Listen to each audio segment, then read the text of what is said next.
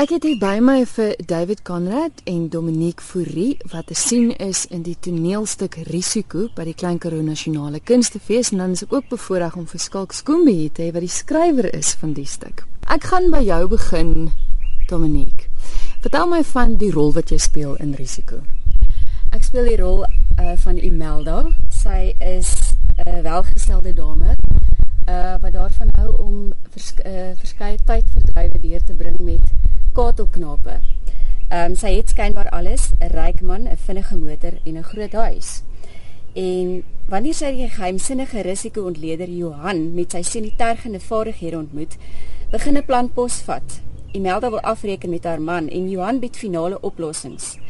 Dis 'n bittersoet keuse wat geheime minnaars bind, liefde tot die dood toe. In 'n neutedop. In 'n neutedop. Nee, ja. En jy?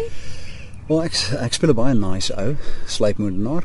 Jy weet jou usual guy next door. Nee, ek spot hom net. Ehm um, ja, interessante karakter. Ehm um, uh, uh interessante psigopaat, is ek is hoe ek dit sê. Ek ek moet nou nie ek moet seker nie te veel sê en, en iets weggee nie.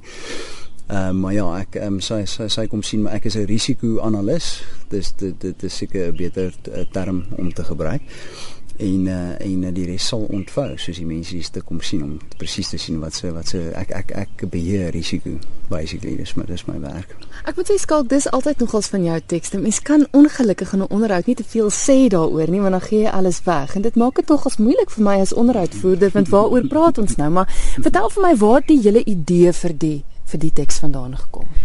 Jy weet Dominique het my genader en gevra dat ek moet asseblief vir haar iets skryf wat edgy is.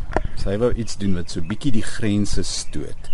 En ehm um, ek het toe nou daaroor gaan sit en dink wat wil ek eintlik graag doen en toe onthou ek 'n ou fliek genaamd Sleuth waarin Michael Caine en Laurence Olivier gespeel het. En dit gaan oor twee mense wat mekaar heeltyd probeer outwit.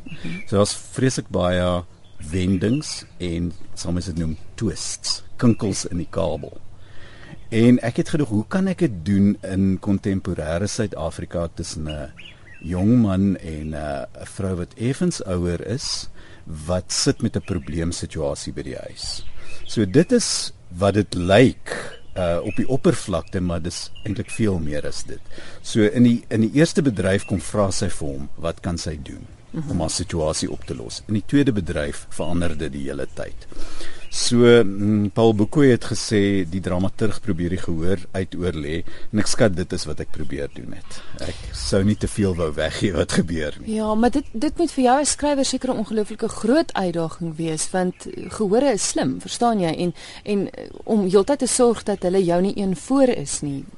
Waarna kyk jy uit en hoe doen jy dit? Jy is heeltemal reg, Christel. Gehore het baie canny geword. Hulle het baie slim geword want hulle kyk aanhoudend na TV-reekse wat hoe dan dit is, wie het dit gedoen. Uh hierdie is meer 'n soort van 'n how done it. Uh, wat gaan werklik hier agter agter die skerms aan? Wat gaan onder die oppervlakte aan?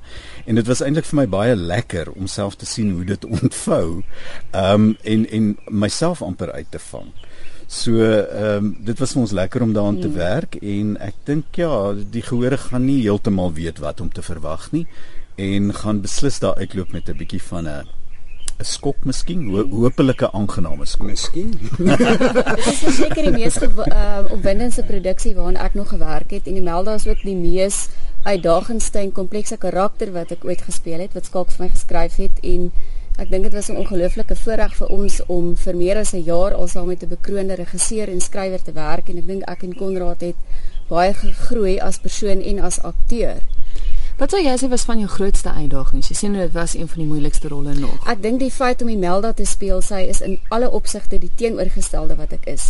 En as jy bevooroordeeld is oor 'n karakter, kan jy haar nie speel nie. So ek moes empatie en simpatie met haar ontwikkel en uh, wat haar as persoon motiveer en hoe sy ehm um, sielkundig aan mekaar gesit is. En dit was 'n groot uitdaging en ehm um, ek dink Ons het begin by Graamsstad en ons het gevorder tot by Aardklop en ek dink KAK&K 'n baie goeie manier om die produksie af te af te sluit want die produksie het gegroei met elke kunstefees en elke keer begin jy iets nuuts ontdek oor die karakter en dit bly die hele tyd vars en ek dink dit gaan vir ons en vir my persoonlik baie moeilik wees om afskeid te neem van Imelda na die fees. Mm. En vir jou David, wat sê jy, wat was jou grootste uitdagings? Ehm um, weet jy, ehm um, nee, ek ek ek is ek ek, ek dink ek is heeltemal in, in touch met my psigopaat. Nee, ek ek spot ja. Ehm um, ja, nee, ek dink dit is nog 'n uitdaging geweest om om regtig in daai ehm um, maar ek, jy weet ek dink dit is daai dit is daai lekker gedeelte nou van die die uh, imaginary world van van uh, wat wat as ek uh, hierdie persoon hierdie persoon was en wat as ek in daai op daai vlak ehm um, so emosioneel emosioneeloos was of of nie jy weet jy weet wat reg of verkeerd is maar it, it doesn't really apply to you. Ehm um, so ja, dit dit dit dit is dit dit dit dit is en bly nog steeds, jy weet, 'n challenge en is wat dit natuurlik lekker maak, jy weet, is dat ehm um, jy weet jy is die hele tyd besig om te ontgin. Ehm um, sekere aspekte van jouself te ontgin, jy weet, mm. uh, sekere plekke wat wat jy nie noodwendig altyd uh, dink daar is nie. Ja, want ek het gelees in een van die persvrystellings jy spesifiek is 'n baie cool koue karakter. Ja. Dit is moeilik om jou eintlik te pyl. Exactly. En ek dink dit ja, dit ek dink dit is jy weet dit is dit dit, dit som skalk se skryfstyl ook op, jy weet ek dink definitief ehm um, wanneer die mense kan uitsien is hierdie is definitief nie ons spoon feed nie ouens nie en hulle gaan verseker nie lekker weet wat aangaan nie. Dit is dit is 'n thrill ride, jy weet dit mm. is uh, en ek dink jy weet ja, hy's killing coat en tog sinies en dan sê hy 'n nice guy en en ja, so jy kan hom jy kan hom regtig nie pyl nie. Ek dink daar's fasette in hom wat jy wat jy sien van mense gaan fasette van hulself in hom in in, in hom sien. Dit kan nogal disturbing dalk wees. en ons het ook kommentaar gekry van mense op aardklop wat gesê die hele 'n uh, stuk is vir hulle om soos 'n film te kyk. En ja, Skalk ja. het dit spesifiek geskryf in die film noir styl van die 1940s. En wat dit so winnend maak is ek speel die blonde femme fatale en Konrad speel die huurmoordenaar en van daar af raak dit net baie meer opwindend en um, it's not for the faint hearted. want want ek, ek wil juist ek bly dit nou opgebring die film noir styl. Ek dink die styl sluit ook daarbey in want ek het gehoor dis swart en wit agtergrond of rooi. Nee, daar's rooi in die agtergrond. Ja, ons werk met wit, swart en rooi. So die beligting dra nogal baie by om 'n so van donker ehm um, uh, effens nie realistiese stemming te skep waarbinne enigiets moontlik raak. Dit is 'n baie moderne stuk, so selfs al is die film noir die raamwerk wat ons gebruik het, um, is al die verwysings uh, relevant nou vir Suid-Afrika. So dit gaan oor risiko vandag, hoe elke mens se lewe propvol risiko is in 'n land met baie misdaad en baie onvoorspelbaarhede. Hmm. Jy het groot lof gekry vir jou taalgebruik. Ek het in baie van die persvrystellings gesien dat dit mense nog as regtig die taal het hulle opgeval. Ja, ek dink dit is ek moes amper 'n taal ontwerp of ehm um, herontdek want dit is kontemporêre Afrikaans en tog uh is daar um, ooreenkomste met die ou film noir rolprente van hoe uh, 'n man en 'n vrou met met mekaar gepraat het. So ja, dit is ek sou sê dis dis miskien iets nuuts in daai opsig. Hmm. Julle is nou te sien by die KAK&K. Wanneer en waar? Ehm um, ons tree op die 30 31 Maart, 1 en 2 April 9 uur die oggend by die Koerant van Redesaal. En ehm um, as mense 'n uh, voorskou wil sien van die stuk, ons het vir Aardklop het ons 'n trailer op YouTube gesit, so mense kan Risiko Aardklop gaan uh soek op YouTube, dan kan hulle 'n voorskou sien van wat op hulle wag. En ons tree ook uh die 3de en 4de Mei in die Lier Theater op in Pretoria by die IP Drama departement. En dan planne daarna vir elkeen van julle afsonderlik. David, waarmee is jy nog als besig? Ehm um, ek is ek het nou speel nou 'n nuwe karakter op Rhythm City. Ehm um, so ek is ek is op daai show op die, op hierdie stadium. Ehm um, ja, dit is dit is eintlik maar swakker waarmee besig is nie uh, en dan dan ja, nou nie reg enigiets anders.